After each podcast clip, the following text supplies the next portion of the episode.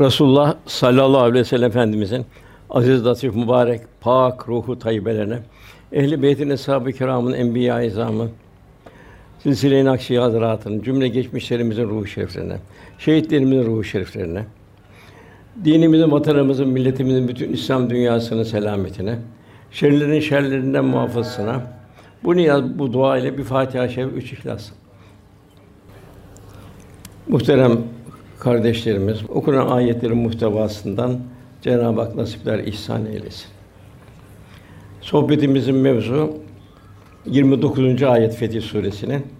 Diğer taraftan da Cenab-ı Hakk'ın verdiği nimetler ve imkanlar ölçüsünde bizim mesuliyetimiz ne kadar? Cenab-ı Hak mala takatelena bih buyuruyor. Takat fazlasını istemiyor ama verdiği nimetlere göre de bizden onun ifasını istiyor. Cenab-ı Hak sümmeli sünne yevmiyizin aninayim. Zira o gün verdiğimiz nimetlerden sorulacaksın buyuruyor. En büyük nimet iman. Onun bir bedeli ödemek çok zor. Ondan sonra Cenab-ı Hak bize Resulullah Efendimiz ümmet kıldı. Yani 124 bin küsür peygamberin en yücesine meccanen bir bedel ödemeden ümmet olduk.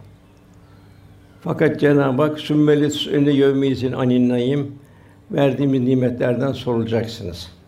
Yani bir imanın bedelini ödemek. Resulullah Efendimiz üsve-i hasene, örnek şahsiyet, örnek karakterine yaklaşabilmek. Bu şey bir imanın bedelini ödeyebilmek. Ahzab Suresi 21. ayetinde andolsun ki Resulullah sallallahu aleyhi ve sellem senin için Allah ve ahirete kavuşmayı umanlar ve Allah'ı çok çok zikredenler için bir üsve-i örnek şahsiyettir buyuruyor. Yani burada üç tane kayıt var. Yani Allah Resulü'nü örnek alabilmek. O şekilde Cenab-ı Hakk'a güzel yakın bir kul olabilmek. Birincisi Allah'a kavuşmayı umanlar her halimiz Allah rızasında mı? Bunun bir muhasebesi halinde olabilmek. İkincisi ahiret gününe kavuşmayı umanlar her şeyin ahirette zerrelerin bir hesabı önümüze geçeceğini, kitabını oku bugün nefsin sana kâfi edileceğini, bunu idraki için bir hayatımızı tanzim etmek. Üçüncüsü de gözümün gördüğü her şeyde Cenab-ı Hakk'ı zikretmek. Aman ya Rabbi demek. Kainat kevni ayetler, ilahi kudret akışları, ilahi azamet tecellileri, ilahi nakışlar kul uyanık olacak. O zaman bu vasıfları taşıyan, taşıdığı kadar Resulullah Efendimiz onun örnek şahsiyet olmuş oluyor. İlk ayet "Ikra bismi rabbikellezi halak" olarak başlıyor. Rabbinin adıyla oku. Yani Allah'ın nimetlerini oku. Her gördüğün şeyde Cenab-ı Azameti ilahisini oku. Resulullah Efendimiz oku. Sahabe efendilerimiz efendimiz yakından okudu. Ona hayran kaldı. Efendimizi daima gönüllerinde taşıdılar. Efendimizden aldıkları iman nuruyla cahiliye karanlıklarından sıyrıldılar. Efendimizin rahmet nefesi onlara hayat kaynağı oldu. Bir cahiliye devrinden bir faziletler medeniyetine eriştiler.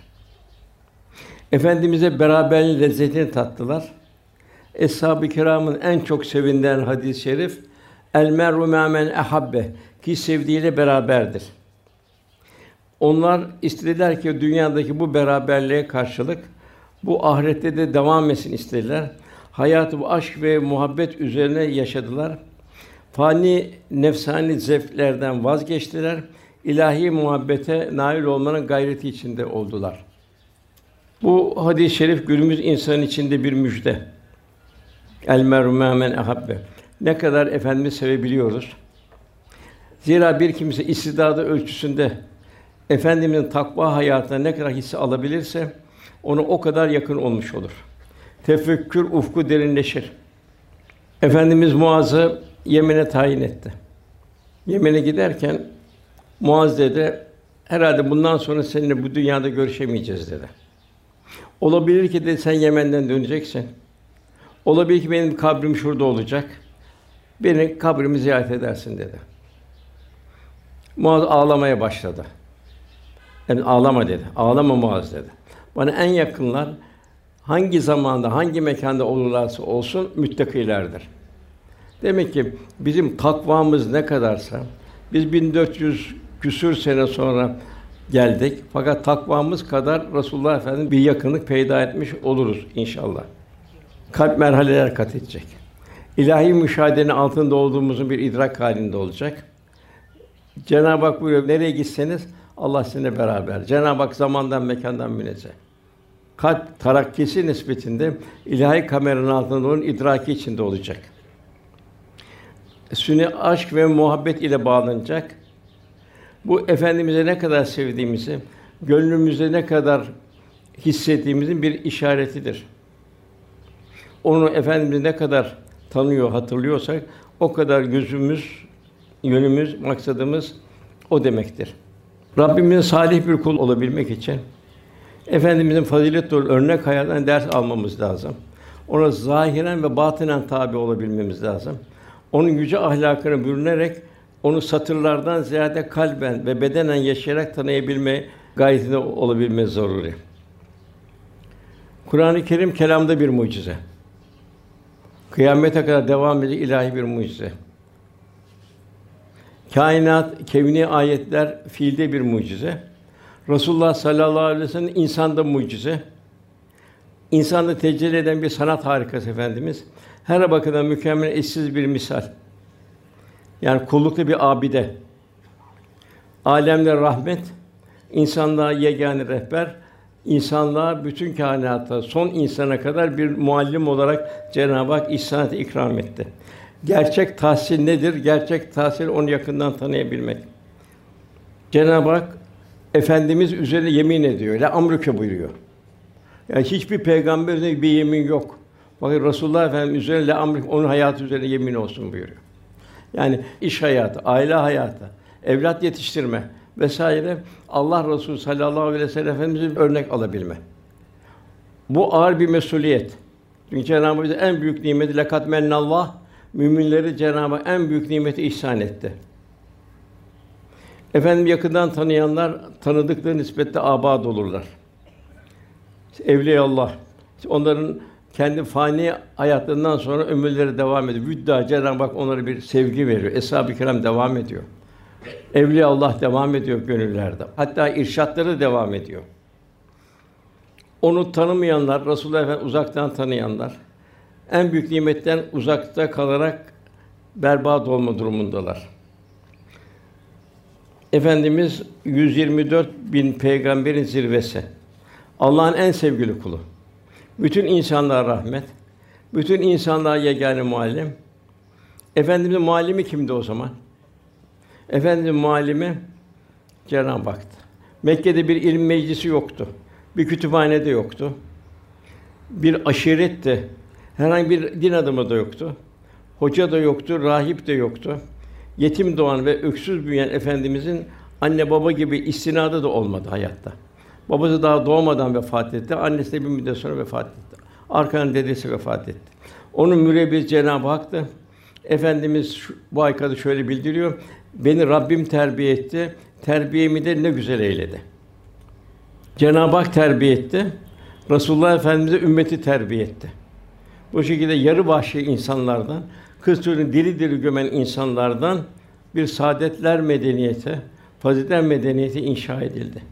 Efendimiz daha evvel bir eğitimci değildi. Risalet vazifesinden evvel 40 sene hiç kimseden hiçbir şey öğrenmedi. Hiç kimseye bir şey öğretmedi. Bunun toplum bir cahiliye toplumuydu. Kendisi ümmi bir kişiydi. Okuma yazma bilmiyor. Toplum da ümmi bir toplumdu. Bir cahiliye toplumuydu. Ahlak, edep, muaşere, hak, hukuk yoktu. Toplum okuma yazma bilen de yoktu. Çok az denecek kadar ancak o kadardı. Cenab-ı Hak efendi öyle bir öğretti ki, öyle bir eğitim verdi. O bütün kainata muallim oldu. Cihana yön verdi. Yine efendimiz nübüvvetten evvel bir kumandanlığı yoktu. Askerlik de yapmamıştı. Zaten doğru düz bir ordu da yoktu. Hep aşiret kavgaları vardı. Lakin efendim peygamber olduktan sonra savaşta bile merhamet tevsi etti. Nitekim Bedir'de harpten evvel düşman gelip su istedi. Efendimiz düşmana su verdi. Dönüşte ise Medine'ye esirleri getirirlerken bunlar bizim insanlıkta eşimizdir dediler. Zaman zaman bineklerinden indiler, esirleri bineklerine bindirdiler. Ve onların çoğu da Müslüman oldu bu merhamet karşısında. Yani efendimiz talimatlarından bir de bugünkü duruma bakalım. Bu küresel güçlerin insanı nasıl bir zulmettiğini görelim. Efendimiz bu savaş hususunda neler dikkat edilecek? İlk talibe zulmetmeyiniz buyuruyor. İşkence etmeyiniz buyuruyor. Çocukları öldürmeyin buyuruyor. Mabetleri çekilip ibadetle meşgul olanları öldürmeyin, onlara dokunmayın buyuruyor. Kadınları, yaşları, savaş dışındakilere dokunmayın buyuruyor. Kiliseleri yakıp yıkmayın buyuruyor. Ağaçları kökünden kesmeyin buyuruyor. Bugünkü medeniyet mi yoksa modern bir cahiliye mi? Nasıl bir küreler güçler geliyor, istila ediyor. Hem toprağını esir alıyor, hem insanları öldürüyor veya da köle olarak kullanıyor. Ecdadımızda bunun aynasını görüyoruz. Hiçbir zaman tabasına bir zulmetmedi. Gayrimüslim halk dahi adalete hayran oldu. Hatta bu İstanbul fethinden evvel Notaras topladı İstanbul eşrafını. Ee, ne yapalım dediler. Bir kısmı yardım alalım dediler Roma'dan. Notaras yok dedi. Biz de burada Müslüman sarını görmeyi tercih ederiz dedi. Reistan'da aynı. Osmanlı atları Fistül Nehri'nden su içerse burada adalet vardır, hak vardır, hukuk tevzi edilmektedir. Sözü bir darbe mesel haline geldi.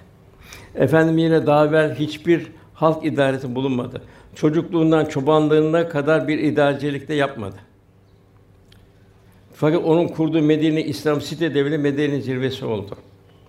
Bütün mahlukatı zalimlerin şerrinden kurtardı. Köleler huzur buldu, hayvanlar huzur buldu, nebatat huzur buldu, kan gölüne dönen çöller huzur buldu. Mehmet Akif'in dediği gibi, azizin ki ezilmekte bütün hakkı dirildi, zulmün ki zeval aklına gelmezdi geberdi. Resulullah bir hukukçu değildi. Hak ve adalet tevzi etme hususunda hiçbir tecrübesi de yoktu. Lakin onun veda hutbesi en mükemmel insan hakları beyannamesidir. Değişmeyen bir anayasadır. Her anayasa değişiyor, eksiktir diyor vesaire fakat efendimizin bu insan hakları beyannamesi, veda hutbesi değişmiyor. Hukukun özü. Yani ilk İslam site devleti Medine'de kurduğu zaman da efendim ilk anayasayı tesis etti. Onun talebelerinden meydana gelen hukuk ekolleri beşer aklının yüzlerce ya da yetiştiremediği zirveleri geride bıraktı. Meşhur hukukçulardan Solon, Hammurabi, Ebu Hanife'nin hukuk dehası karşısında çırak bile olamayacak durumda kaldılar. İbn Hazm diyor ki, Peygamberimizin siretinden başka hiçbir mucize olmasaydı onun hayatı mucize olarak yeterdi. Yine İslam fıkıh metodolojisinin meşhur simanlarından Karafi Resulullah'ın hiçbir başka mucizesi olmasaydı onun eshab-ı kiramı yetiştirmesi yani yarı vahşi insanlardan medeni insanlar haline getirmesi bile onun peygamberin en büyük delilidir. Hiçbir mucize olmasın. Yani daima şunu düşüneceğiz. Biz de o peygamberin ümmetiyiz. Bir misal verirsek İbn Mesud Mazisi de bir çobandı. Hatta ona Ebu Cehil hakaret etti. Hançer sab in dedi. Sen de bir çobansın dedi. Çünkü benim seviyemde birisi bana hançeri batırsın dedi. Bu tahkir istihkar etti. İbn Mesud. İbn Mesud efendimizin tedrisatına öyle bir yetişti ki boğazımızdan geçen lokmaların zikrini duyar hale geldik buyuruyor. Nasıl bir tedrisat? Sonra Hazreti Ali radıyallahu anh beraber Küfe mektebini kurdu. Ebu Hanife de bu mektebin talebesiydi. Yani bir çobanlıktan nasıl bir seviye. Velhasıl Cenab-ı Hak buyuruyor: "Men yudur Rasûle fakat et Allah." Kim Rasûle itaat eder, Allah'a itaat etmiş olur. Hazreti Peygamber sallallahu aleyhi ve sellem muhabbet Allah'a muhabbettir. Ona itaat Allah'a itaattir. Demek ki kendi kendine bir muhasebe etsek. Allah Resulü benim ibadetimi görse tebessüm eder miydi? İbadet huşu halimi görse tebessüm eder miydi? Evime girse evimin dekorunu, evimin haline görse tebessüm eder miydi? Yavrularımı ben nasıl yetiştiriyorum? Nasıl bir İslam ruh veriyorum ya da veremiyorum? Efendim benim evime gelse acaba tebessüm eder miydi? İş hayatıma, iş yerime gelip tebessüm eder miydi? Daima bir mümin demek ki kendi efendimiz hale üsve hasene bir muhasebe etme durumundadır. Allah ittiba eden saadet bulur. Onun rehberliğinden, fazilet dolu hayatından uzak kalan da her an ayrı bir manen iflasın eşiğindedir. Bir ebediyet fukaralığına hem dünyada hem ahirette düşer olur. Sefaletini saadet zanneder. Gerçek tahsil nedir? Gerçek tahsil efendi yakından tanıyabilmektir. Efendimiz ikra bismi rabbikellezi halak onu okuyabilmektir. Ve sahibi onu okudu, yaşadı, fazilet medeni inşa etti. İnsan gönül verdiğine meftun olur. Muhabbet akışı neticesinde sevilenin her hali sevilene sirayet eder. Bizler de Allah Resulü'nü ne kadar seviyorsak efendim üsve olan o güzel ahlakı muhabbetimiz ölçüsünde hal ve davranışına akseder. Muhabbet fedakarlığı getirir. Fedakar oldukça da ibadetler bir lezzet haline gelir. Ameller kolaylaşır. Muhabbet iki kalp arasında bir ceylan hattıdır. İşte sahibi bu ceylan hattıyla Çin'e gitti, Semerkant'a gitti. Dünyanın öbür tarafına gitti, Keyran'a gitti, Afrika'ya gitti. Muhabbetleri gönüllerinin eşsiz bir enerjisi oldu. Sinirlerinde Resulullah Efendimiz taşıdılar. Yorulmadılar, üşenmediler. Ondan sonra gelen ayet ve lezil me eşit dâhilül küffar Resulullah Efendimiz beraberinde bulunanlar ümmet kâfirlere karşı çetindir. Yani bir Müslüman daima İslam şahit, İslam karakterini tevzi edecek. İslam hiçbir şeye muhtaç değil, her şeyin zirvesinde. O ne giyimde, ne kuşamda, ne halde, ne örfte hiçbir şey taklit etmeyecek. Efendim ibadetleri bile değiştirdi bazı. On Muharrem'e bir gün evvel, bir gün sonra sunmuyordu.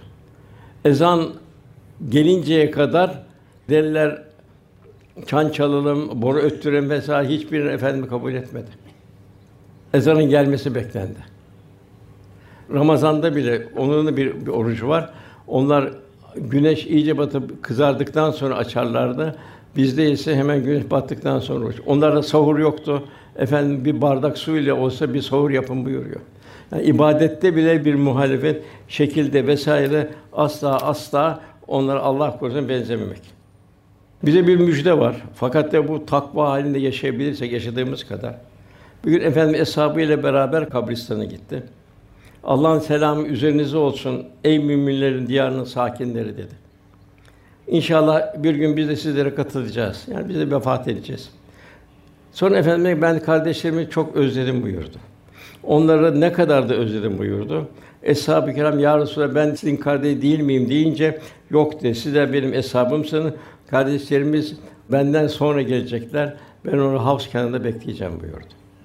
Nasıl tanıyacaksınız buyurdu. Eshab-ı Kiram. Nasıl dedi siyah bir atın alnının beyaz olması hemen tanınır. Ben de eshabımı öyle tanıyacağım. Bir grup gelecek koşarak dedim efendimiz. Fakat denecek ki bana bunlar sünnet-i seneye uymadı. İbadette, muamelatta, ahlakta, muaşerette uymadı. Onları ben geri gidin diyeceğim. Bu da bize neyi gösteriyor? Bir gölgenin gövdeyi olan sadakati gibi efendimizin her halini takip edebilmek. Cahiliye ne vardı? İlk itirazları ne oldu? Ayet-i kerimede gösteriyor ki onlar ilk itirazları ahireti istemediler. Annebil azim büyük haber derler bu. Bir büyük haber iste ellezün fihi muhtelifun tartışmaya mı ya doğruysa ne yapacağız dediler. Birbirine soruşturmaya başladılar. Bertaraf edelim dedim, rahatımız bozulacak dediler ahiret haberiyle. Onun için Müslümanları alayla bertaraf edelim dediler. Hakaretle bertaraf edelim dediler. Zulümle bertaraf edelim dediler. Olmadı, olmadı, olmadı. Tabi Cenab-ı Hak rahmet o ilk müminlerin selabeti diniyesiyle İslam'ın intişarına vesile oldu. Bugün geldiğimiz zaman bugün modern bir cahiliye devrine girdik. Bugün de ahiret istenmiyor. Ahiret unutturuluyor.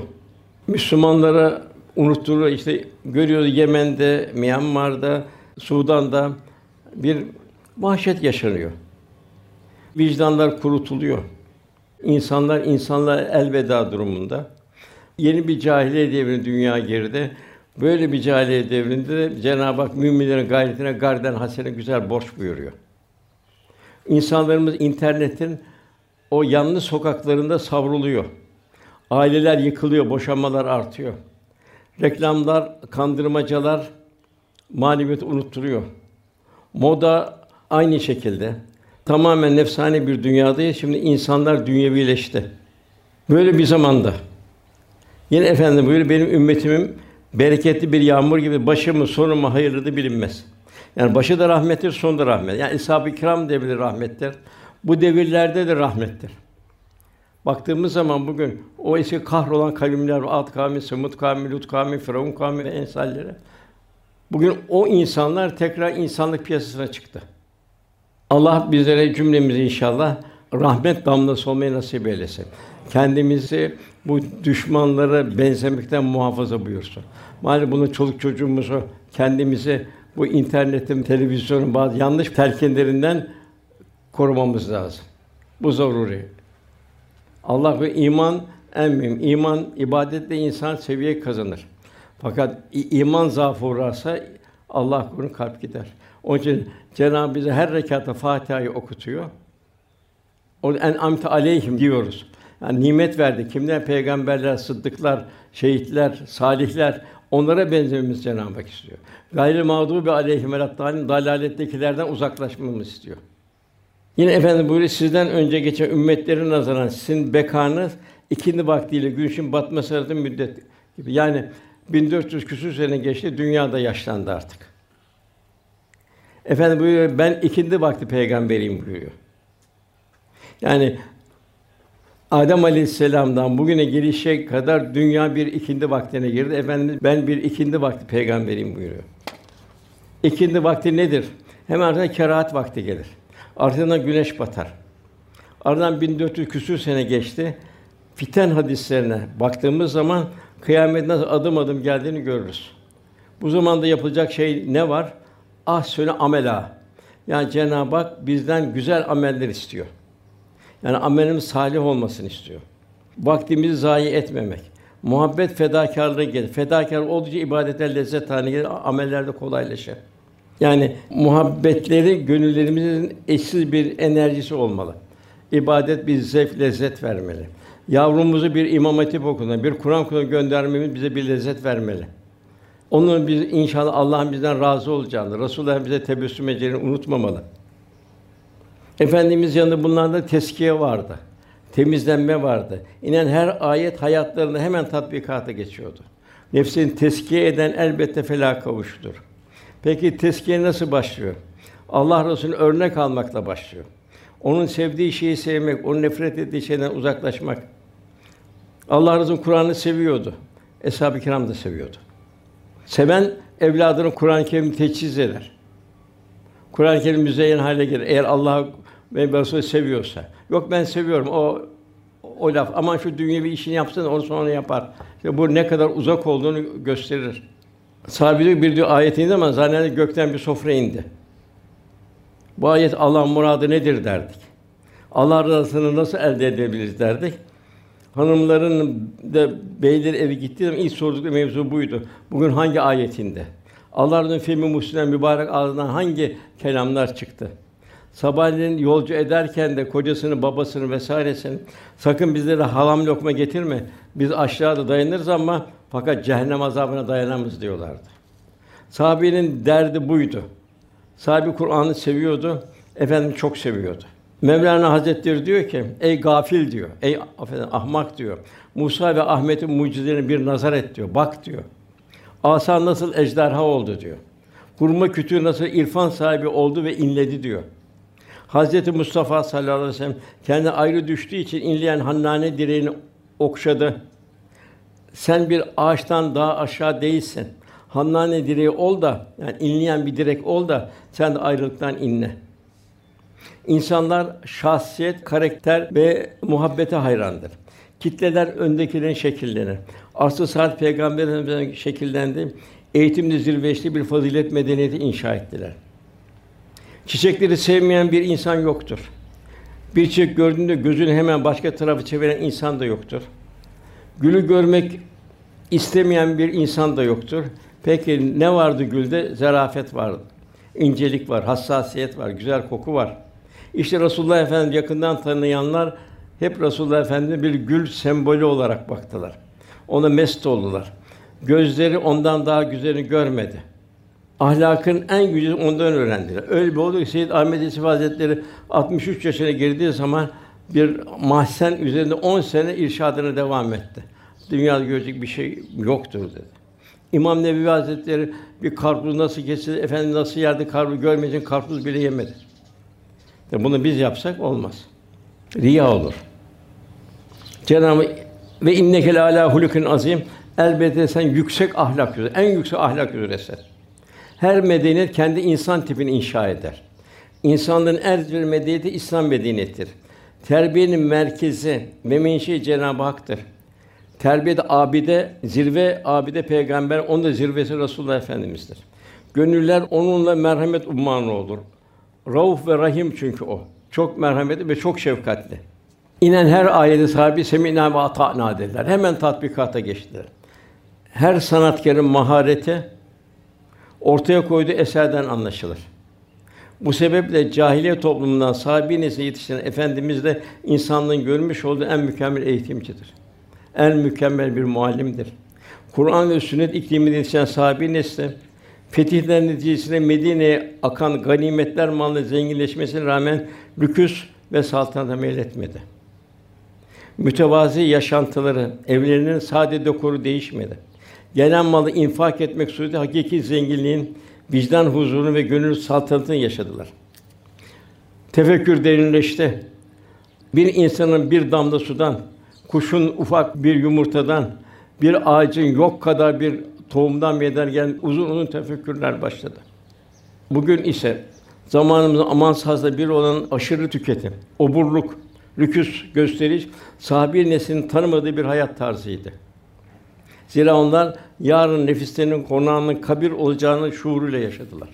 Cenab-ı Hak bizleri ise onlara tabi olan ihsan sahibi buyuruyor. Yani bizler onlar gibi olmasını Cenab-ı Hak istiyor. Demek ki sahibi ne oldu? Teskiye oldu. La ilahe Allah'tan uzaklaşan her şey kalpten atıldı. Kalp Cenab-ı Hak'la beraber olma gayreti ve lezzeti içinde buldu.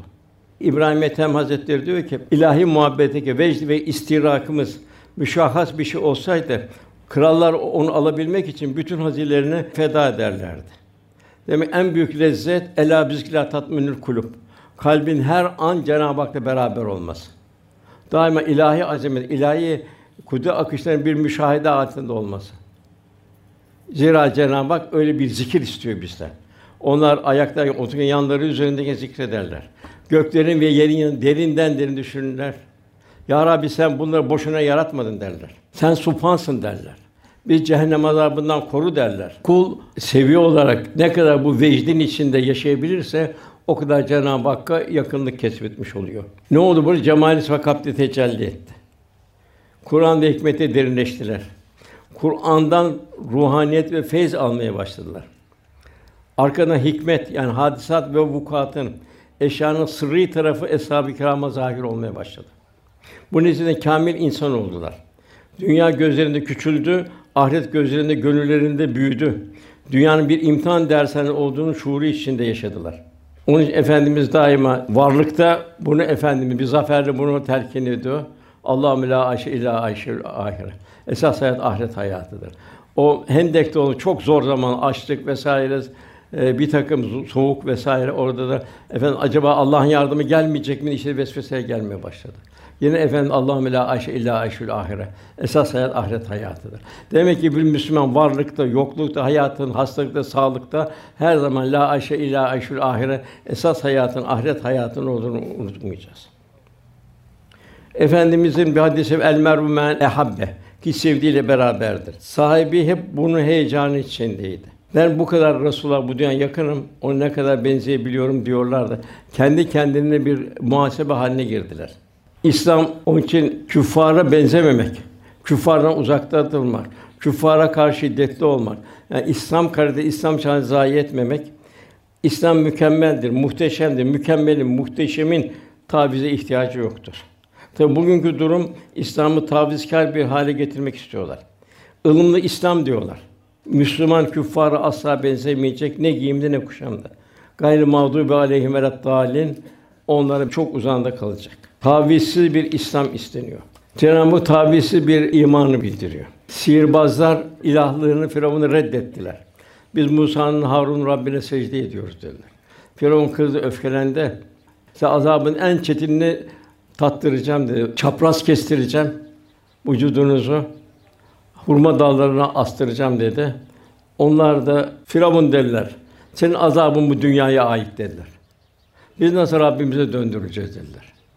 Bak öyle bir azap meydana geldi ki bir taviz vermekten korktular. Dediler Rabbena efri aleyna sabren ve teveffena müslümin. Ya Rabbi üzerimize bize sabır dök dediler. Sabır yağdır üzerimize dediler.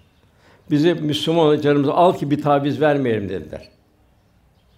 Habib-i Neccar tevhidi korumak için taşlandı. Muhacir ve ensar demek ki bizden bu şey taviz verilmeyen bir iman istiyor. Zira her taviz bizdeki iman çökertir dedi. Mallarından, canlarından vazgeçerek hiçbir taviz vermediler. Efendim böyle kim bir kavmi severse Allah onların arasında onları haşreder. Allah korusun. Onun için fasıklardan uzakta kalmak lazım. Yeni bir kavim beni onlardandır buyuruyor. Efendim ben müşrikler arasında ikamet eden bir Müslümandan beriyim, uzağım buyurdu. Ya Resulallah neden diye sordular. Efendimiz Müslümanlar müşriklerin yaktıkları ateşler birbirini görmemeli. Yani birbirinden uzakta konaklamadılar. Müslümanlar küfür diyarında hicret etmeliler. Tebliğ gitmesi hariç. Yine efendim müşrikler ateşiyle aydınlanmayın buyuruyor. Çünkü ne olur? İnikas olur. Onun için kûnû as sadıkın bu. Sadıklar beraber olun buyuruyor. Yine ayet-i Maide sonunda sizin benim dostun ancak Allah'tır buyuruyor. Peygamberdir buyuruyor. Gerçek dostu. Bir Allah'ın emrine boyun eğerek namazı dost doğru kılın, zekatı veren müminlerdir buyuruyor. Yine İmam Rabbani Hazretleri bir kez hasta bir şahsın yanına gittim diyor. Zor haldeydi diyor. Kalbi karanlık var. Bir türlü kelime tevhidi getiremiyor diyor. Sordum ki diyor Hindistan'da Budistlerin çalgılı alemlerine girerdi. Onları seyrederdi. Velhâsıl gerçek iman, gerçek muhabbet, layıkına muhabbet, Allah ve Resulüne muhabbet, müstahkı nefret, Allah ve peygambere asi olan herkesten uzakta durabilmek. Ya bunun en büyük değeri Tebbet suresi. Niye Cenab-ı Tebbet suresini indirdi? Demek ki bizim layıkına muhabbet, müstahkı nefret halinde olabilmemiz için. Efendimizde daima beyatlar vardı. Abdullah bin Ravaha Resulullah Efendimiz ya Resulullah Rabbimin kendisi bize ne şartı koşabilirsin. Bunu efendimiz o şartı koştu. Ya Resulullah bunun karşısında ne var dedi Abdullah bin Ravaha cennet var dedi. Onun üzerine malları canlı cennet satın aldılar. Ayet indi. Söhbe suresinin 111. ayeti. Malı canlarıyla cennet satın aldı. Demek ki mal nedir mal? Hayvanlar bir mal endişesi var mı? Hiçbir hayvanda. Malım yok diye bir endişe var mı? Demek mal Allah'ın demek ki Cenab-ı Hak kulu malla imtihan ediyor. Canı veren Allah Celle Celaluhu canıyla. Can nerede kullanacak? Allah yolunda kullanacak. Allah yolunda feda edilecek can. Her Müslüman benim her halim, vücudum, gücüm, kuvvetim Allah yolunda mı değil mi? Ticaretim, evlatliyetim vesaire vesaire. Bedir'de beyat ettiler. Ya Resulullah dediler, seni gönderen Allah'ın hakkı için sen denize girsen, Zor bir seferde Bedir. Biz de seninle beraber kendimizi denize atarız dediler. Hiçbirimiz geri kalmayız dediler. Uhud'da Hazreti Hamza şehit edildi, 70 Müslüman şehit edildi. Efendim çok mahzun oldu. Yine eshab-ı kiram yanına geldiler. Ya Resulallah biz şehit olmak için bir at halindeyiz dediler sana. Hudeybiye'de Hazreti Osman radıyallahu anh Mekke'den dönmeyince herhalde şehit ettiler Vehme. Sahabe-i kiram yine efendimiz etrafını toplanır. Ya senin gönlünde ne var? Senin gönlüne biat ederiz dediler. Demek ki bir Müslüman daima efendimiz yakın olmak için ahirette de bu beyatlar halinde olacak. Dünya bir imtihan, dershane. Biz bu dünyaya niye geldik bu dershaneye? Bu kainat kimin? Kim bu kainatı yarattı? Bu rızıkları kim ihsan ediyor? Geliş niye bu dünya, gidiş niye? Demek ki kul bunun bir idraki içinde olacak. Allah unutmayacak. Bir gölgenin gövde olan sadakati kadar sünnet seniyeye dikkat edecek. El merhum men ehabiki sevdiğiyle beraber. Eshab-ı kiram yeri geldi malını verdi. Yeri geldi başını verdi. Yani asla imandan bir taviz vermedi. Demek ki akaid İslam'ın en zor kısmıdır. Cenab-ı Hak Karun'u bildiriyor Kur'an'ın. Şımardı. Hatta etrafı dediler ki Şımarma Karun dedi. Allah şımaran sevmez dediler. O şımarmaya devam etti. Malı onu şımarttı. Malı Allah'ın malı olduğunu unuttu. Kendi malı zannetti. Bağlum bin Bavra'yı ilmi koruyamadı. Daha evvel zirvedeydi. Cenab-ı bir kelp misali bir şaşkınlaştığını biliyor. Yani Cenab-ı Hak bizden tabisiz bir iman istiyor. Ve günümüze bakalım. Gelin günümüze gelelim, bugüne gelelim. Ahiret unutuluyor. Televizyon, internet, reklam ve moda insanı dünyevileştiriyor. Namus, fire fire iffet azalmaya başlıyor. Faiz ve rüşvet yaygın hale geliyor. Zamanımızın bu musibetten kurulması için tek tarih var takva. Takva nedir? Nefsane arzu bertaraf etme, ruhani istidatları inkişaf ettirme, kul kendisine ve hümâküm eyne mâkûn ilahi kameranın altında olduğu kalpte bir şuur ve bir idrak haline gelebilmesi. Velhâsıl nasıl bir mümin olacağız? Yine Cenab-ı Fussilet suresinde insanlık Kur'an ile sünnet Allah'a davet eder. Hem yaşayacağız hem davet edeceğiz. Amel-i salih işleyen yani yaşayacak, ben Müslümanlardan diyen yani İslam şehadet karakterini en güzel söyleyip tevzi edenden kimin sözü daha doğrudur. Bir müminin bu vasıf içinde olması Cenab-ı Hak istiyor. En büyük gaflet efendimizi tanıyamamak. Dolayısıyla ondan uzakta kalmak. Zira onu tanıyanların ondan uzakta kalması asla düşülemez. Bak bu dünyada o gönül servetinden habersiz yaşayanlar sanki definenin üzerinde ömür sürüp de açlık ve sefahat ölen bir bedbaht kimseye benzer. Ondan sonra Cenab-ı Hak müminin durumunu o tavizsizlikten sonra küffara kendi anı merhametlidir buyuruyor. Yani merhamet bir müminin imanı tescil eden bir alameti farikası.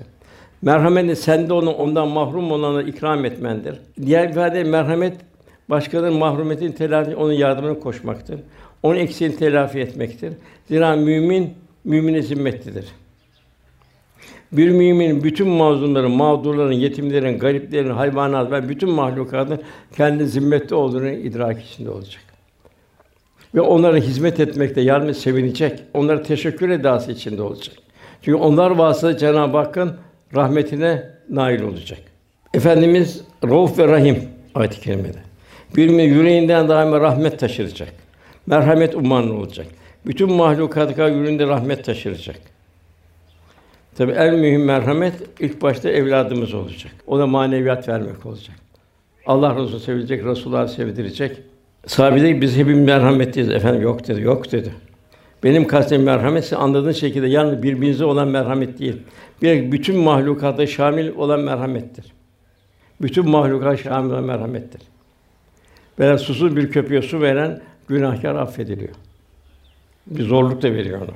Bir kadın cehennemlik oldu buyuruyor. Kendisine merhametimi aç bırakan kişi. İslam nasıl bir terbiye getirdi? Hangi tahsilde var bunun? Bir köle Abdullah bin Cafer e, seyretti. Bir köle üç dilim ekmeği bir köpekle paylaşıyordu. Nedir bu köpek deyince bunu Allah gönderdi diyordu. Aç hayvan bana geldi, benim kapıma geldi. Benim bunu doyurmam mecbur. Sen ne yapacaksın bugün ben yemeyeceğim diyordu. Bunu yedireceğim diyordu. Çobanın hadi rüyesini anlamak için Abdullah bin Ömer radıyallahu anh çoban dedi şuradan bir koyun bize ver, sat. Benim değil dedi. Ya nereden bilecek dedi ruhi derinliğini görmek için. Başını kaldırdı semaya. Yüzü kızardı. Bir damar çıktı. Ben, Peki Allah görmüyor mu dedi. Sütçü kadının kızı da su kat deyince anne Allah görmüyor mu dedi. Evet halife görmüyor Allah görmüyor mu dedi. Bir mümin rahmet insanı olacak. Bulunduğu yer huzur veren bir kişiliği olacak. Yaşadığı zaman mekanda Adem rahmet olan peygamberin temsilcisi olmanın gayretinde olacak. Enaniyetini bertaraf edecek. Çoraklamış gönlüne bir yağmur misal rahmet olmanın derdinde olacak. Vakıf insan olacak. Diğer agam olacak. Önce kendini düşünmek yerine daima karim sen önce diyecek. Velhasıl merhamet bir Müslümanın alamet farikası olacak. Ondan sonra Cenab-ı Hak ibadet kısmını sen onu rükû ederken secdeden görürsün diyor. Ya namaz çok mühim. Namazsız Müslümanlık olmaz. O cehenneme girenlere ilk sordukları siz niye cehenneme girdiniz diye ilk dedi biz namaz kılanlardan değildik. Biz merhametsizdik, fukarayı doyuran değildik. Ölümü de, ahireti de unutanlardan olduk. İnkar edenlerden olduk. Ölüm de geldi çattı diyecekler. Ondan sonra namaz çok mühim. Evladımızı zamanla kılar mesela yok değil zamanla kılmaz. Onu küçük yaşta verilmesi zamanla kılmaz. Zamanla kılmıyor işte görüyoruz. Efendim yanında bulunan müminin kalbi nasıl olacak? şeffaf olacak, bir kristal gibi olacak. Ne isteyeceğler? Lütuf ve Cenab-ı Hak'tan Allah rızasını isteyecek. Her hal ben Allah rızasında mıyım? Bunun bir endişesinde olacak. Min eseri sucud bir secde alameti vardır buyuruyor. Hizmet olacak. Emri bil maruf nehi anil münker olacak. 11 yer emri bil maruf ve nehi anil münker geçiyor Kur'an-ı Kerim'de. En baş emri maruf ki biraz kendini ikmal edeceksin, kendini irşad edeceksin, kendini inşa edeceksin. Çoluk çocuğundan başlayarak, ailene, akrabandan başlayarak devrin akışından, bulunduğu yerin akışından kendini mesul göreceksin. Rabbimiz ayet-i kerime şöyle buyuruyor. İşte böyle siz vasat, mutedil bir ümmet olarak, hayır ha bir ümmet olarak sizleri yarattık buyuruyor. Ümmeti Muhammed'e. Bütün insanlara şahit olmanız. Demin bütün insanlar İslam'ın şahidi olacağız. Yaşayacağız ve yaşatacağız. Peygamber de ise şahit olsun buyuruyor. İşte bu şahitliği layıkıyla ifade edebilmek için her mümin kendi durumuna göre bir vazifesi vardır. Zira insanın istidat ve imkanları bir değil. Cenab-ı Hak her insana ayrı ayrı bir istidat veriyor. Bu istidattan da mesul tutuyor. Takat fazlasını istemiyor. Mala takat elnâmi. Fakat takatı istiyor. Verdiğinin bedelini istiyor Cenab-ı Hak. Cenab-ı Hak bu dünya kimini zengin, kimini fakir, kimini hasta, kimini güçlü, kuvvetli, kimini genç, kimini yaşlı, kimini amir, kimini memur, kimini anne baba olarak vazifelendirdi. Mesuliyetin hudutları da Cenab-ı Hakk'ın verdiği nimet ve imkanları ölçüsündedir. Onun sahibi zekatın ölçüsünü biliyor, kırkta bir. Fakat Allah'ın verdiği nimetin ölçüsüne kadar onu bilemediğin ta dünyanın dört tarafına giderek İslam'ı tebliğ etmeye çalışıyordu. Allah'ın verdiği bu imanın bedelini ödeyebilmek için. O zaman düşüneceğiz. Zengin bir mümin vazifesi nedir bu dünyada? Birincisi sahip olduğu servet Allah'ın bir emaneti ve imtihanı olarak görecek. Zira mülk Allah'a aittir. Kul sadece bir veznedar, bir tasarrufçu lakin bu tasarruflardan da mesuldür. Riyazat içinde yaşayıp ihtiyaç fazlasını Allah yolunda infak etmekle mükelleftir. Cenab-ı Hak ayette kulül af diyor. Çalışacak, kazanacak, Allah infak edecek, fazlasını verecek. Kendisi riyazat halinde obur olmayacak, müsrif olmayacak, cimri olmayacak. İsraf ve pinlikten uzak duracak. İsraf aşırı derece kendine harcamak demektir. Cimrilik ise haddinden fazla kendini biriktirmek. İkisi de bencillik ve hodgamlıktır. Rabbim bu şekilde bu kulluğu reddediyor. Hadis-i eli boynuna bağlamış gibi cimri olma. Elini bir açıp da israfa da kaçma. Okullar harcadığında ne israf ederler ne de cimrilik ederler. Orta bir yol tutarlar. Ne olacak? Allah'ın verdiği nimeti vazifesi Allah yolunda infak etmektir. Bilhassa dinin zayıfladığı bu zamanda Kur'an kursları, imam hatipler, dini müesseseye daha fazla revaç vermekle mükellefiz. Araba düz yolda gittiği zaman arıza yaptığı zaman bir omuzda kenara iterse. Bakın araba rampada arıza yaptığı zaman fazla güç ister. Geriye kaymasına takoz koymak lazım. Angelik takoz olacaksın. Bak İslam geriye gitmeyecek. Evlatlarımız yanlış yola sapmayacak. Kendini zimmetli kardeşine sahip çıkmak. Günümüzde küresel güçler, dini duyguları zayıflatmak suretiyle insanları kendi öz vatanında esir alıyorlar. Kendi toprağına hizmetçi yapıyorlar. Ya vatanını terk etmekle mecbur bırakıyorlar. Görüyor işte Akdeniz bir kabristan haline getirdiler. Botları parçalayarak Akdeniz'e gömdüler. Biraz yerlerin yurtta mazlum kardeşim gönlümüzde daha fazla açma elime imkan daha fazla ikram etmeye muhtacız. Eshab-ı Kiram hep paylaşıyordu Allah'ın verdiğini. Ebedi ahiret yurdunu kazanma onların hayır dualarına muhtacız. Bu dünyada evet fakir zengine muhtaç ama öbür tarafta da daha çok daha çok çok çok daha fazla zengin fakirin o duasına muhtaç. Bu sefer mümin verirken sevinecek, pinti olmayacak verirken. İki sebeple sevinecek. Bir, bu alışveriş inşallah Allah rızasına kavuşmaya vesile olacak. Cenab-ı Hakk'a hoşnut edecek. Sevinerek verebilmek için takvası bir alametidir. Eli titremeyecek verirken. Sevinecek, tebessüm edecek. Bir de verirken şunları ne kadar veriyor? Çok mu veriyor? Orta mı veriyor? Az mı veriyor? Hiç mi veremiyor? Para daima geldiği yere akar. Yani bir kişinin malını hayır yollarına sarf edebiliyorsa tamamen riyazat halinde yaşıyorsa onun malının helalliğini gösterir. Onun için de ayrıca sevinecek. Elhamdülillah Rabbimize şükürler olsun diyecek. Bunun çok misalini gördük hayatta. Yani verirken sevincinden ağlayanları bile gördük. Elham Allah ya Rabbi sana bunu bir nimet bana ihsan ettin diye. Resulullah Efendimiz'e örnek alacak mümin. Yaşama zevkini bırakıp yaşatma aşkına gönül verecek. Bu sebeple dünya arzuları bir tarafa bırakacak. Efendimiz sallallahu aleyhi ve sellem insanları tebessüm ettirmenin, mahzun gönlünü sevindirmenin, bir kişiyi daha hidayete sevk edebilmenin sevdasıyla yaşadı. Açları doyurmanın lezzetiyle doydu kendisi. Muhtaç kimseye ihtiyaç gidemek huzur buldu. Onun talebesi olan eshab-ı kiram da aynı minvalde oldu. Ondan aynı inikas aldı. Yermük Harbi'nde üç şehidin ortasında bir bardak su kaldı. Hepsi birine 50 derece belki o kumun içinde yanarken susuzluktan su su diyen kârı ikram etmeli. En nihayet üç şehit de e, birbiri ikram ederek bir bardak su ortada kaldı. De Cenab-ı Hak Agniyâ-i Şakirinden olabilmek, şükreden zenginlerden olabilmek. Bunu Cenab-ı Hak Süleyman Aleyhisselam misal veriyor. Nimel ab diyor, o ne güzel bir kuldu Süleyman diyor. Fakat Efendimiz ondan çok daha öteye ganimetler gelir, dolar da ev Ayşe valide onu diyor dağıtmadan diyor huzur bulamazdı diyor. Üç gün üst üste bir arpa ekmeğiyle doymadı buyuruyor. Zenginin vazifesi bu. Riyazat halinde yaşayacak, mal Allah'ındır diyecek, infak edecek. Dini müesseselere revaç verecek. Peki fakir bir müminin vazifesi nedir? Fakirin vazifesi nedir? Sabır ve hâle rıza içinde kendi imkanlarını kulluk ve gayretine devam edecek.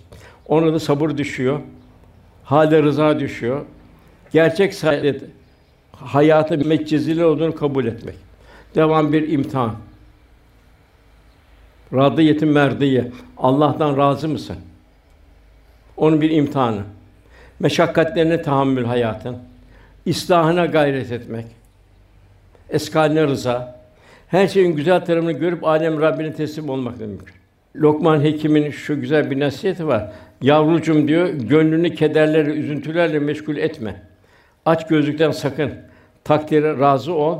Allah tarafından sana verecek kanaat et ki hayatın güzelleşsin, gönlün sururla dolsun, hayattan zevk alabilesin. Demek ki hayatın en güzel zevki insanlardan müstahni olmak, Rabbinden razı olabilmek, bu benim için hayırdır diyebilmek. Gaybi bilmiyorsun. İbrahim Aleyhisselam İsmail Aleyhisselam ziyarete gitti. Evine girdi, İsmail Aleyhisselam yoktu. Gelinine sordu, nasılsın kızım dedi, ne haldesin dedi. Kadın hep şikayette bulundu. Giderken dedi, efendi söyle kapını eşin değiştirsin dedi. Akşam İbrahim Aleyhisselam şey gel, İbrahim, e, İsmail Aleyhisselam baktı evde güzel bir babasının kokusu var. Ruhani bir koku var. Sonra kim geldi dedi. İhtiyarın biri geldi dedi. Ne dedi dedi. Ben de halimden şikayet ettim. Eşin değişti dedi. Bak dedi. O gelen babamdı dedi. Senin bu şekva, bu şikayet halinden çok rahatsız oldu dedi. Bundan sonra ayrıca bu şikayetle bu hayat olmaz dedi. Yine İbrahim Aleyhisselam bir müddet sonra tekrar ziyarete gitti. Yeni hanımı vardı. Selam verdi gitti. Kızım nasılsın dedi. Efendim öyle bir ruhani manevi hayat içinde devam şükürdeyiz. Yani Allah'ın getirdiği rızka razıyız. Allah'a kul olmanın büyük bir lezzet içindeyiz. Efendi geldi ama eşini sağlam tutsun dedi. Akşamleyin İsmail Aleyhisselam geldi. Güzel kokudan babasının geldiğini anladı. Kim geldi dedi, hanım dedi. Güzel bir ihtiyar geldi. Çok güzel bir ihtiyar geldi dedi. Ne dedi böyle böyle halimizi. Ben de şükür halini anlattım dedi. Bu gelin benim babamdı dedi. İşte de eşini sağlam tutsun. Seninle olan ülfetimizde devam etmemizi bize tembih etti dedi. Ve bütün iş, evlatlarımız çok mühim. Kız evlatlarımız çok mühim. Efendimiz Hasan'a su verdi. Çocuk işte. Fatıma dedi ya Resulallah herhalde Hasan'ı daha çok seviyor. Yok dedi. Hasan daha evvel istediğin Hasan'a verdim dedi. Müsavat yapın çocuklarına. Fakat kız çocukları hariç dedi. Onları çok daha fazla ihtimam gösterin dedi. Çünkü onlar güzel bir anne ümmül medrese olacak. Fakat onların ufak yaşta Allah sevgisiyle, Kur'an-ı Kerim'in lezzetiyle çocuklarını doyurmak. Böyle anne babalar teşekküre layık. Yok sonra olur. Ne olacak? Çocuktur vesaire şey. Yok o zaman öyle diyelim. O da ona o çocuğun o hali seyyi cari olacak. Onun yarın hesabını verecek. Velhâsıl fakirlikte mahrumiyetlere, hata ve isyanlara mazeret kılmamak. Hâde rıza Allah'a muhabbet ve itimadın bir tezahürüdür. Allah'ın verdiğine razı olmak, yani kanaatle zenginleşebilmek, ancak hasetten, kıskançlıktan, cehaletten kurtarıp marifete ermiş kulların elde edebileceği yüksek bir makamdır. İşte Aziz Mahmud Hüdayi bütün o saltanatı bir tarafına itti. Geldi İstanbul'a. Çocuğu o zaman sığacak bir kundak bile yoktu. Allah o kadar çok verdi ki cana yön veren padişah yön verdi. Bütün her taraf vakıflarla doldu. Allah Teala kulunun iyiliğini kulundan daha iyi bilir. Bu sebeple en selametli yol ilahi takdir razı olmak ve her halükarda şükredebilmektir. Ayet-i kerimede hoşlanmadığınız bir şey sizin hayırlı olabilir. Yani sevdiğiniz bir şey de hakkınızda şer olabilir. Allah bilir siz bilemezsiniz. Karun baştan fakirdi. Zenginliği onu cehennem yolcusu etti. Hâlâ razı olmadı. Musa aleyhisselama tavır koymaya kadar gitti. Hayat metcezillerdi. Fakat bir mümin bu iniş çıkışları, kusur ve ihmalinin bahanesini yapmayacak. Rabbim Kur'an-ı Kerim bize birbirimizden çok farklı ahvalde peygamberin salih kullarını bildiriyor. Böylece hakka kulluk için hiçbir şeyin mazeret olmadığı misalleri gösteriyor. Mesela Eyüp Aleyhisselam çok ağır hastalık ve kayıplarla imtihan edildi. Yaşadığı bela, musibetler onun rızasını bozmadı. Cenab-ı Hak Eyüp ne güzel bir kuldu buyuruyor ayette. Hazreti Musa bir zalimin sarayında yetişmek mecburiyetine kaldı Firavun sarayında. Zulme meyletmedi asla. Ona karşı bir mukavemet gösterdi. Daha sonra Medyen çöllerinde yoksulluk, açlık içinde kaldı. Hiçbir zaman hali değişmedi. Hazreti İbrahim'in yaşadığı toplumda ise ona tevhidi öğretebilecek hiçbir kimse yoktu. Fakat o putperest kavmiyle tek başına mücadele etti. Hazreti Yusuf Aleyhisselam fısk fucura karşı dilini ve kalbi mazat diyerek kendini korudu. Efendimiz de Taif'te nadan, gafilerden taşlandığı zaman Cenab-ı Hakk'a razı olduğunu şu şekilde ifade etti. Allah'ım kuvvetimi zaafa uğradığını, çaresizliğimi, hadden hor ve hüküm görmemi sana arz ediyorum. Ey merhametlerin merhameti, eğer bana karşı gazaplı değilsen, çektiğim mihnet ve belalara aldırma. İlahi sana oluncaya kadar affını diliyorum buyurdu. Yani başa gelen ilahi imtihanlar karşı niçin, neden şekva şikayeti unutmak? En çok bu iptilalar da peygamberlerin başına geliyor. Efendim en çok çile çemberinden geçen peygamber benim buyuruyor. Bu çilelere karşı, şeylere karşı hamd, şükür ve bir rıza halinde yaşayabilmek. Bu sayede fukarayı sabirinden olabilmek. İki vasıf çok azdır. İki vasıf sahibi. Biri aynâ şakirin, şükreden zenginler. Yani riyazat halinde yaşayıp devam infak edenler. İkinci fukarayı sabiri. Bunlar müstani şekilde yaşayıp Allah'tan razı olan sabır ve sabat sahibi mümin kullar. Hazreti Ömer radıyallahu anh hayatını bir riyazat halinde yaşadı. Kuzey Afrika fethedildi. Ganimetler çoğaldı. Kızı Hafsa baba dedi biraz rahat etsen dedi. Kızım dedi beni niçin dedi dünyanın içine sokuyorsun dedi. Benim bu yol üçüncü sonunda sen istemiyor musun dedi. Sen dedi Resulullah'ın zevcesi değil miydin dedi. Onun nasıl yaşadığını bana anlatsana dedi. Hafsa döndü gitti. Velhasıl hayatı şuraya geliyor. İster fakir ister zengin, riyazat halinde yaşayacaksın. Zengin ol, fakir ol, infak edeceksin. Zenginsen zenginliğine göre infak edeceksin. Fakirse fakirliğin infak eder. Varlıkta ve darlıkta infak ederler Cenab-ı Hak buyuruyor. Ebu Zer çok fakir bir sahabiydi. Ona infak et. Ebu Zer dedi. Çorbanı su koy dedi. Tane koyacak durum yoktu. Etrafını gözet dedi. Gafil kalma etrafından dedi. Verirken bir teşekkür edasıyla ver, bir nezaketle ver buyurdu. Hasta bir müminin vazifesi nedir? Hasta, engelli ve benzeri durumda kişi hayatındaki sıkıntılarının kendi günahlarına kefaret, terfi derecat bir ecir kaynağı olduğunu unutmayacak. Resulullah sallallahu aleyhi ve sellem buyuruyor, yorgunluk, sürekli hastalık, tasa, keder, sıkıntı ve gamdan ayağına batan dikenlere varıncaya kadar Müslümanın başına gelen her şey Allah onun hatalarını bağışlamaya vesile kılar. Fakat şekvada bulunmamak şartıyla. Şekerim ya Rabbi sendendir diyecek. Mahrum olduğu her nimetin mesuliyeti ve hesabından kurtulduğu için sevinecek. Eğer sabredebilirse naca ecirleri tefekkür edip huzur bulacak. Muhtif hastalıklarla imtihan eden peygamberler kendisine örnek alacak. İbn Mektum almaydı. Efendimizin müezziniydi. Efendim onu Medine'ye gönderdi Kur'an talim için. Efendimiz sefer çıktı onu bırakırdı ki mescitte ihtiyarlar çoluk gelip arkasında namaz kılsın diye. Fakat efendimizden sonra Kadisiye harpleri oldu. Dedi ki ben de Kadisiye harplerine gireceğim dedi. Nasıl gireceksin? Amasın dediler. Harp gözle yapılır. Yok dedi. Ben dedi gözsüz bir harbe gireceğim. Nasıl yapacaksın? Ben en önde yürüyeceğim. Sancağı dik olarak tutacağım. Arkamdaki asker düşmanı görmez. Hadi ruhiyeti kuvvetlenir. Öndeki düşman da bakar, bayrak dik olarak geliyor, demoralize olur. Halit ruhiyeti bozulur. Onun için ben Kadis Yaplerine gireceğim buyurdu. Amaoğlu Kadis Yaplerine girdi. Bir rivayette şehit oldu, bir rivayette tekrar Medine'ye döndü. Bizim bir ama talebimiz vardı. Belki 20 sene evvel. Bugün dedim hocam size bir soru dedi. Sabır mı zordur, şükür mü zordur dedi. Bunu soran da ama. O dedim duruma göre sabır zordu, duruma şükür zordu. Yok yok hocam dedi. Şükür zor dedi. Sabır nasıl zaman geçiyor dedi. Hem yolcuyuz dedi. En zor dedi şükür dedi. Allah'ın verdiği bu nimetleri, iman nimeti, ümmet olma nimeti vesaire vesaire. Dedim bu nedir? Demek ki bir mümin Allah'a yaklaştıkça kalbinde bir takım derinlikler oluyor. Tefekkür artıyor. Yine Mevlana bu hastalıklar için diyor ki, ey insan diyor, gönül dünyanın bir misafirhanedir diyor. Sana gelen gamlar, sururlar sende bir misafirdir. Sakın onları daimi ona zannetme. Gelen fani gamları üzülme. Çünkü onlar gidicidir. Hepsi senden ayrılacak birer yolcudur. Fani sururlara da sevinme.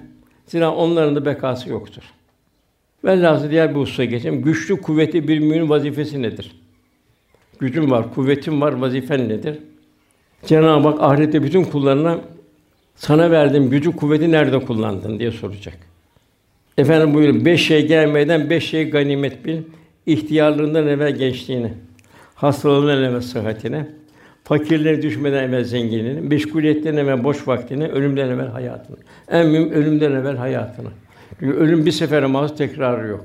Bu sebeple mümin iş dünya zenginleştirip bütün imkanlarını tıpkı eshab-ı kiram gibi Allah yolunda seferber edecek. Nitekim eshab-ı kiram gönüllerini nakşettikleri Resulullah Efendimiz muhabbetiyle Çin, Semerkant, Keyravan vesaire üşenmediler, yorulmadılar. Güçsüzlerin, kimsenin, mazlumların hidayete muhtaç gönüllerin kendi zimmetli olduğunu idrak içinde yaşadılar. Ama nerede bir insan var, gidip onu hidayete davet edeyim. Çünkü bir kişinin hidayeti güneşin doğup battığı her şeyden efendim hayırlıdır buyuruyor. Eyüp Ensari Hazretleri 80 küsur yaşında İstanbul'a geldi. Konstantiniye hadisine nail olmak için. Halid bin Velid İslam orduları kumandanı. Vefat ederken arkada dedi ben acaba niçin dedi hastalar gibi yatakta ölüyorum dedi. Bir dedi hayatı at kişnemeleri içinde kılıç şakırdılar içine geçen bir cengaverin yatakta ölme ne hazin bir şeydir dedi. Acaba ben ne kusur işledim ki Allah beni yatakta canımı alacak dedi. O da dedi ki Mute'de 3000 kişi, 100 bin kişi bertaraf eden sen değil mi? Ne üzülüyorsun dedi. Allah Resulü sana Seyfullah demedi mi dedi. Yer muktede de onu kan gölüne çeviren sen değil misin dedi. Fakat niye yatakta ölüyorum dedi. Kaldırın bari çok söz dedi. Son nefesim ayakta vereyim dedi. Ben de bunlar hep iman heyecanı. Bu lanterun bir rahatiyatun fumatubun. Bu ve benzeri ayetler indiği zaman eshab-ı kiram mallarının yükünü veriyordu, ahirete havale ediyordu. İşte e, Ebu Taza bu ayetler indiği zaman o 600 bugün kadınlar kapısında olan hurma bahçesine Allah Resulü vakfetti.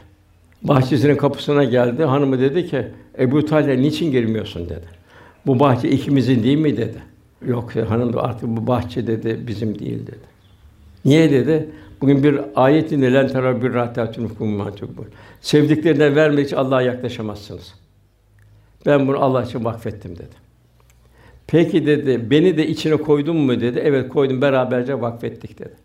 O da ben de eşyalarımı toplayayım çıkayım o zaman dedi. Artık bu bahçe bizim değil, bu bahçe vakıftır dedi. Nasıl bir iman şuuru? Daima bir insan diyor Allah bana nasıl imkanlar verdi? Ben bu imkanları Allah yolunda nasıl sarf edeceğim, hizmet edeceğim? Bizler de Allah yolunda hem bedenimizle, hem vaktimizle, gücümüzle gayret ve himmet etme zorundayız. Ben bu kadar yaptım kafidir demek büyük felaket. İşte bu Tebük seferinde bütün seferlere katılmış. Sırf Tebük'e bugün bugün yarın iştirak edemeyen üç kişi geç kalıyor. Bunlara 50 gün tart veriliyor. İhtilattan ben kararı alınıyor. sahibi selamı kesiyor. Ancak 55 gün sonra ayet gelmekle kurtuluyorlar. Bunlar bütün seferleri iştirak etmiş, yani tabi iştirak etmişler. Genç bir müminin, delikanlının, yiğit bir gencin vazifesi nedir o zaman? Gençliğinin kıymetini bilecek. Zira gençlik bir daha ele geçmeyecek. Hazreti Ali şöyle buyuruyor: Elden gitmeden önce iki şeyin değerini takdiri zordu. Bir sağlık değeri, gençliktir. Sağlığın değeri öyle. Ancak dişin ağrıdığı zaman dişin ne olduğunu bilirsin. Hazreti Ömer dört şey geri gelmez. Söylenen söz geri gelmez, atılan ok geri gelmez, geçmiş hayat geri gelmez. Kaçırılan fırsatlar geri gelmez. En çok üzücü öbür tarafta kaçırılan fırsatlar. Yine bir mütefekkir diyor, gençliğini eğlenmekle geçiren ihtiyarını ağlamakla geçirir. Mümin heyecan ve enerji daima Allah yolunda kullanacak. Mevlana diyor ki ne mutlu o kişiye ki gençlik gününe ganimet bilir de kulluk borcunu öder. Yani dinini ve insan vazife yerine getirir. Bedeni sabah sağlam iken yüreğinde, vücudunda güç ve kuvvet varken kulluğunu ifade etmek gayreti içinde olur. Zira o gençlik çağı yemyeşil, teri taze bir bağ benzer, bol bol meyveler verir. İhtiyarlıkta beden çorak toprak gibi gevşer dökülür. Çorak bir tarladan hiçbir vakit hoş bir bitki çıkmaz. Bir milletin istikbalini görmek isteyenler, bir milletin istikbalini görmek bir keramet değildir. Eğer gençlik gücünü, kuvvetini, nefsi arzuları peşinde ziyan ediyorsa istikbalde hüsran vardır. Ahireti unutmuş, heva hevesin zebun olmuşsa orada artık istikbal yoktur o memleket. Bakın gençler gücünün kuvvetini hayra hasenata, hidayete sarf ediyorlarsa istikbal zafer ve rahmet vardır. İster sayıları az olsun gücü verecek Cenab-ı Hak'tır. Bedir'de olduğu gibi. Gençlik ne yapacak? Cenab-ı Hak "Ikra bismi rabbikellezi halak" buyuruyor. Yaratan Rabbinin adıyla oku. Gençlik genç ne yapacak? İlkbahar mevsiminin tabiatın coştuğunu görecek. İbretle bakıp kendine örnek alacak. Bak Cenab-ı Hak ilkbaharda bana bir ders veriyor. Bir arının 45 günlük ömrü var fakat o ömrünün tamamını insanlara şifa eden bal yapmak için vazifeler. İşte arıyı orada okuyacak. İnsan buna ibret alacak. Fani hayatını, ebedi hayatına hazırlık fırsatını olarak görecek. Efendimiz şöyle bal arısını misal veriyor. Bal arısı gibi olacak bir mümin. Gençlik mevsimini değerlendirme hususunda idrakler boş heveslerle ziyan edilmeyecek. Gençler gün görmüş aile büyükleri ve takva sahibi hocaları tarafından daima hayra yönlendirilecek. Gönülleri asla boş bırakılmayacak. Yani unutmamak lazım ki gençlik hayatta bir seferdir. Verilen fırsatın tamamı bir sefere mahsustur. Bir bakımından gençliğim Eshab-ı Kiram gençliğini örnek alarak ihya etmek elzemdir. Onlar gencecik yaşta nefsatiyeni değil, ruhiyetini hazzı içinde yaşayıp Allah'ın etrafında pervane noktalarını hatırdan çıkarmak lazım. Bizim mesela bir mesela Cafer Tayyar Hazretleri 13 sene hapiste kaldı. Efendim çok kasıt duyduğu halde onun halkı hemen Müslüman olmadan dönmedi. 13 sene hasret üzerine sabır yoğunlaştırdı. 13 sene döndüğü zaman efendimiz Hayber'deydi. Hemen Medine'den Hayber'e koştu. Efendimiz Cafer'i görünce Cafer dedi, bugün Hayber'in fethiyle mi sevineyim? Seni görmemle mi sevineyim? Yani bir Hayber'in fethini bir Cafer'in muadili olarak gördü. Ve bana ne kadar benziyorsun Cafer dedi. Cafer de kendinden geçti. O Mevliler gibi dönmeye başladı. Birinci Murat Han Bursa'da. Babası ona Orhan Gazi ikinci padişah. Dedi ki oğluna evladım Osmanlı'yı iki kıta üzerine hükmetmek yetmez dedi. Zira ilahi kelimetullah Allah'ın dinini yüceltmek azmi iki kıtaya sığmayacak kadar büyük bir davadır dedi. Selçukluların varisi biz olduğumuz gibi Roma'nın Avrupa'nın varisi biziz dedi. Bunun üzerine Bursa'da cennet gibi yemyeşilken hepsi bıraktı Kosova'ya gitti ve orada şehit oldu. Fatih İstanbul fethi zaman 21 yaşındaydı. Ta 10 küsur yaşından beri İstanbul fethiyle meşguldü provalarıyla. Resulullah müjde nail olmak için İstanbul fethine kendini adadı. Fatih'in askerleri de İstanbul surlarına çıkarken bugün şehit olma sırası bize geldi diyorlardı. Hep bunlar ne bir iman heyecanı. Yavuz Sultan Selim Sine'yi geçerek Mısır'ı aldı. Ondan sonra dedi keşke dedi gücüm olsa dedi. Bu dedi Kuzey Afrika'dan da Endülüs'e çıksam da Endülüs'ten dedi oradan dedi Avrupa'dan İstanbul'a dönsem dedi. Orada hep bir hidayetlere vesile olsam demek. Bunlar da hep bir, bir Müslümanın ufku. Hatta vefat ederken Yavuz Sultan Selim şiiri pençe çıktı. Öyle bir hal oldu ki dedi. Yavuz'un sırtında dedi ciğerini görüyor. Delindi dedi ciğeri dedi. Fakat dedi o dedi devam talimat veriyordu dedi bir taraftan dedi. Onu dedim ki dedi Hünkârım Allah'la beraber olma zamanımız geldi herhalde dedim de. Bana şöyle bir hayretle baktı. Hasan dedi ben şimdiye kadar beni kiminle sen beraber zannediyorsun? Sen bana bir Yasin oku dedi diyor. Yasin okumaya başladım. Selamun kavlen bir Rabbir Rahim ayeti geldiği zaman son nefesini verdi buyuruyor. Yani bunlar nedir? Hep iman heyecanı. Peki gelelim yaşlı bir müminin vazifesi nedir? Ömrünün sonuna kadar ibadet şuuru yani yeni nesile güzel bir örnek, şefkat ve merhametli bir insan olmaya gayret edecek. Tatlı dine göre huzur ve tevzi edecek. Mevlana'nın güzel bir ifadesi var. Gençlerin aynada gördüklerini görünen daha fazlasını yaşlılar bir tuğla parçasına görürler. Engin tecrübeleriyle gençlere yol gösterirler. Yine baktığı zaman yine kainata gençler ilkbahara aklayayım. Onlara bir sonbahara baksınlar. Sonbaharın sararan yapraklarından, kuruyan ağaçlarından ibret alıp bu manzara içine kendi halini yani ömürlerinin bir resmini görmelidir. İnsan hayatının başını tıpkı ilkbaharda muazzam bir canlılık, yeşerme verim yaşarken yaşlılık halinde sonbahar gibi bunun tersini yaşar. Ve artık selviler de el sallamaya başlar kabristanlarda. Bu bakımdan kerahat vakti olduğunu işten geçmeden idrak etmeli, ahiret hazırlığına attırmalıdır. Çünkü son nefes bir daha yoktur. İdareci bir müminin vazifesi nedir? Emri altındakini adalet, hakkaniyet idare etmeli, mesuliyeti hiçbir zaman unutmamalı. Ömer bin Abdülaziz'in hanımı Fatıma anlatıyor. Bir günde Ömer bin Hanım'ın yanına girdim diyor. Nazargâhında oturmuş, elini alnına dayamış. Durmadan ağlıyor, gözyaşını yanaklarını satıyordu. Ona nedir bu halin diye sordum. Şöyle cevap verdi. Fatıma, bu ümmetin ağır yükünü omuzlarımda taşıyorum. Ümmetin açlar, fakirler, hasta olup ilaç bulamayanlar, sırtını gece elbise olmayan muhtaçlar, boynu bükük yetimler, tek başına kalmış dul kadınlar, hakkını aramayan, arayamayan mazlumlar, küfür ve gurbet yanındaki Müslüman esirler, ihtiyacı karşılamak için çalışma takidinden kesin muhtaç yaşlılar, aile efrad kalabalık olan fakir reis, aile reisleri, yakın ve uzak diyardaki böyle mümin kardeşimi düşündükçe yükümün altında ezilip duruyorum. Yarın hesap günü Rabbim bunlar için beni sorguya çekerse, Resulullah bunun için bana itap ve serzenişte bulunursa ben nasıl cevap vereceğim derdi. Yine Fatıma diyor ki hanıma, onun diyor ibadeti sizlerin kadardır diyor. Lakin gece yatakta Allah korkusunu, kıyamet hesabını tefekkür öyle bir hale gelir ki çırpınıp dururdu. Sanki suya düşmüş bir kuşun çırpınması gibiydi. Haşyetullah ile kalbi çarpmaya başlardı. Sanki avuç alınmış bir kuş gibi çırpınırdı. Ben de dayanamadım, üzerine bir çarşaf atardı. Onun bu halini görünce keşke hilafetle aramız güneş ile dünya arasında mesafe olsaydı derdim diyor. Tabi bu çok mühim. Bilhassa bugün çok dikkat etmek lazım. Efendimizin bir hadis-i şerif. Allah'ım ümmetimin idaresini üstlenip onlara zorluk çıkaran kimseye sen de zorluk çıkar.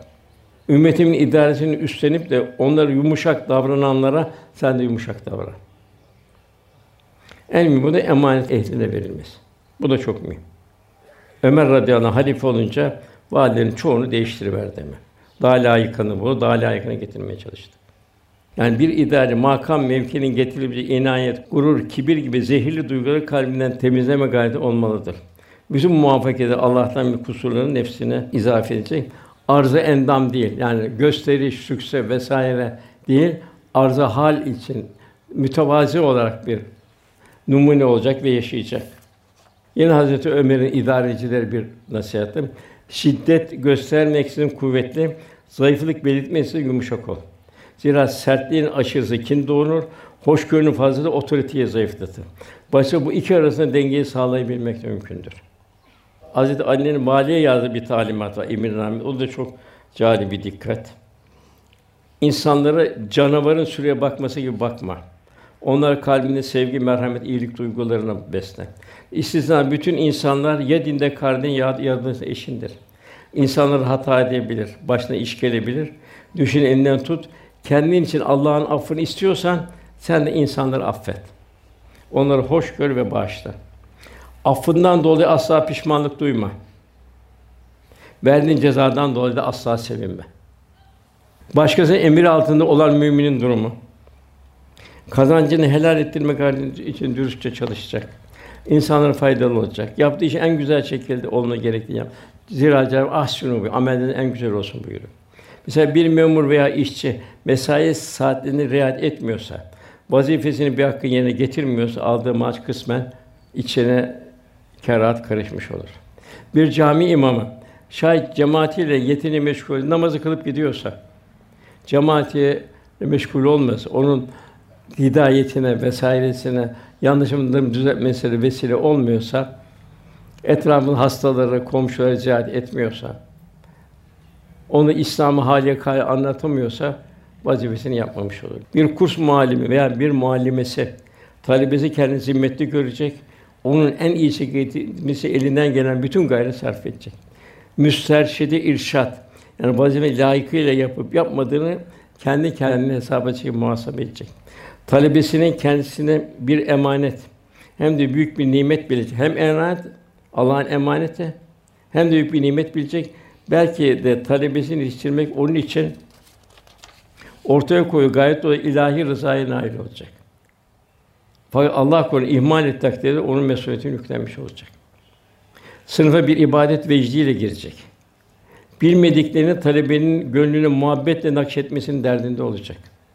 Gönlünün durumuna göre inikas olur. Kalpten çıkan enerji muhatabı tesis Bunun için Rabbimiz ey iman edenler Allah'a karşı takva üzerine bunun sadıkla beraber buyuruyor. Resulullah Efendimiz ey İbn Ömer dini iyi sarı. O senin hem etin hem karındır. Dini kimden öğrendiğini iyi bak. Yani bir baba esasında oğlumu imam hatibi verdi. Hangi imam hatibi vereyim? Hangi Kur'an kursu vereyim? Hocaları nasıl vesaire nasıl? Bunu tetkik etmesi lazım. Mümin bir anne babanın vazifesi nedir? Bir defa evladını ilahi emanet olarak görecek. Anne baba bir vasıta. O evladı gönderen Cenab-ı Hak. Bir anne babanın en güzel hizmeti onlara bir karakter ve şahsiyet mirası bırakmak. Para mirası değil. O nasıl kullanacağı belli değil. Zaten sen o karakter mirası bırakırsan o bıraktığın malı da en iyi idare eder. Hazreti Ömer radıyallahu anh dediler ki fetihler arttı. Sizin servetiniz vardı, servetini bitirdiniz. Çocuklara ne bırakacaksınız dedi bir arkadaş. O dedi ki, bak dinle dedi. Çocukların benim yolundaysa ne mutlu. Zira Cenab-ı Hak buyuruyor Araf 196. ayette. Allah salih kuluna vesayetini bizzat de ruhta eder. Benim oğlum Allah'a teslim o zaman dedi. Benim bir endişem yok dedi. Şayet çocuğum fasıksa dedi Allah korusun. Yine Cenab-ı Hak malınızı sefihlere vermeyin buyuruyor. Dedi. Günümüzde böyle bize yavrumuzun Kur'an tahsiline ve ahlakını kazandırmamız daha elzem ki sakın o gayri mağdubi bir aleyhim verattâni o dalalettekilerin hiçbirine bir heves etmesin. Yine Münavi de buyuruyor. Hamile Kur'an yani Kur'an hafızları, yaşayanlar hem hafız hem de yaşayan hiçbir güvenin bulunmadı kıyamet günü peygamberler ve asfiya yani safaya ermiş olan Allah dostlarıyla birlikte arşın gölgesindeler. Kur'an-ı Kerim eğitimi küçük yaştan itibaren itina yerine getirme icap eden bir vazife. Çocuğun kulakları Kur'an'ın sesine, sedasına, kalbi Kur'an'ın dünyasına aşina olmalıdır. Yine efendim kim Kur'an'ı küçük yaşta öğrenirse Kur'an onu etini ve kanına işler. Yani Kur'an'ın feyziyle nurlanır o, Kur'an'la yaşar. Tabi bunun için en büyük ana babanın helal lokma yedirmez. Hacca gidiyor, lale bekleniyor. Çünkü diyor o haram kazançla bir hacca gitti. Lebbeyk yani huzuruna gelen retsin buyuruyor. Onun için evlatımda yetişmekte iki hususiyet çok mühim. Birincisi helal gıda, ikinci onları salih çocuklarla bir salih bir cemaatin içinde bulundurmak. O da yine Kur'an kurslarında, çocuk eğitim yerlerinde vesaire onu müsbet yerlerin içinde bulundurmak. Salih anne baba, ebeveyn ona güzel bir örnek olacak. Evlatları anne babanın haline adeta kopya ederler. Dileri söylediklerinin terkine uymaktan ziyade ana babanın halleriyle yaşadıklarını örnek alırlar. Kavgalı bir ailede yetişen çocuk hırsçın olur. Huzurlu bir ailede yetişen bir evlat huzurlu olur. Yani anne babalar hem kendi akıbetleri için hem de gerekse evlat akıbet şuurlu bir şekilde kulluğa sarılacak. Ailenin takva yuvası olabilmek hanımın dindar olması çok mühim. Devam boşanmalar var. Evlenme korkanlar var. Niye? Huzursuzluktan kaçıyor. Huzur olmak için efendimiz bir kadın dört sep nikah kılınıyor. Malı, soy, güzelliği. Bunları geç diyor Resulullah Efendimiz. Olursa olur. Dindarını seç, aksi halde sıkıntıya düşersin buyuruyor Resulullah Efendimiz. Bugün de görüyoruz hep sıkıntıya düşenler bu sebepte. Tam dindarlığı yaşamıyor. İhtiras var, haset var vesaire var. Ee, İsmail Aleyhisselam'ın o ilk hanımının durumu gibi durumlar var. Mevlana da diyor ki ayakkabının diyor bir ayağına dar gelse öbürüne bir faydası yok buyuruyor. Burada efendimiz çobansınız buyuruyor. Anne bir çocuk için ilk ve en büyük terbiyecidir. Annenin ağzından çıkan her bir kelime adeta çocuğun şahsiyet inşasına konan bir tuğla mesabesinde. Anne yüreği çocuğun eğitim gördüğü ilk mekteptir. Şefkatin en büyük menba annelerdir. Anne terbiye mahrum çocukların terbiyesi güçleşir zaman sonunda. Yüksek karakterli kişiler daha da salih anne yetiştirdiği çocuklardır. Toplumda yön veren görünmez kahramanlar salih annelerdir. Evlatların dini, iman, vatan, bayrak, mukaddes seviyede yetiştirip adeta düğüne gönderir gibi askere yollayan, Çanakkale'ye yollayan, bugün de yollayan asker olan anneler sinesi iman dolu annelerdir. Aslan yürekli evlatlar yetiştiren anneler ne güzel annelerdir. Ondan sonra kardeşler hizmet geliyor. Hizmet çok mühim. Global güçler elimizde bütün imkanlarla insan namus ve iffetini sarsmaya çalışıyorlar. Toplumu koruyan aile kalesini yıkmak gayretindeler. Müminin ebedi kurulunuzu yalnız kendi istikamette olması kafi değil. Kendisinin devrin akışına mesul, çevresinde insanın kendisine hizmette olacak bilecek. Hizmetin ehemmiyeti çok mühim. Hizmet bir içtimai kulluk vazifemiz. Hizmet vicdanlar olgunluk seviyesini aksettiren en güzel ayna. Efendimiz daima hizmetin nafile ibadetlerinde önünde olarak bildirirdi. Hiçbir hizmeti küçük görmeyeceğiz. Çünkü hizmet görebilmek büyük bir nimettir. Eğimimizi görünen bir hizmet Allah kadar çok kıymetli olabilir. Bu sebeple Allah'ın rızasına nail olmak için her türlü hizmete koşmak icap eder. Hizmet etme fırsatı Rabbimizin bir lütfudur. Bu lütfu iyi değerlendirmek lazım. Hizmet insanı karşılayan tehlike güçlükler sebebiyle yılmamalı, belki daha kuvvetli bulmalı. İşte eshab-ı kiram. Hizmetten bir mümin iki şey kesinlikle unutmamalı. Allah'ı unutmayacak, ölümü faniliği unutmayacak. İki şeyi de unutmalı. Kibre kapılmayacak, yaptığı hayırları unutacak. Kimseyle aranızda soğukluk olmaması için kendisi yapılan hataları unutmayacak. Cenab-ı Hak aranızı düzeltin buyuruyor.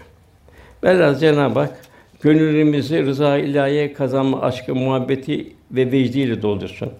Eshab-ı kiramın, evliya Allah'ın, fatihlerin, din, vatan, millet müdafaa kahramanların gönlündeki hizmet aşkından ve gayret diniyesinden bizlere de hisler nasip eylesin. Cenab-ı Hak ihsan etti şu fani alemde vazifelerimizi layıkıyla ifa edebilmeyi cümle nasip eylesin. İsterim duygularımızı kendi rızasıyla telif eylesin. Lillahi Teala Fatiha.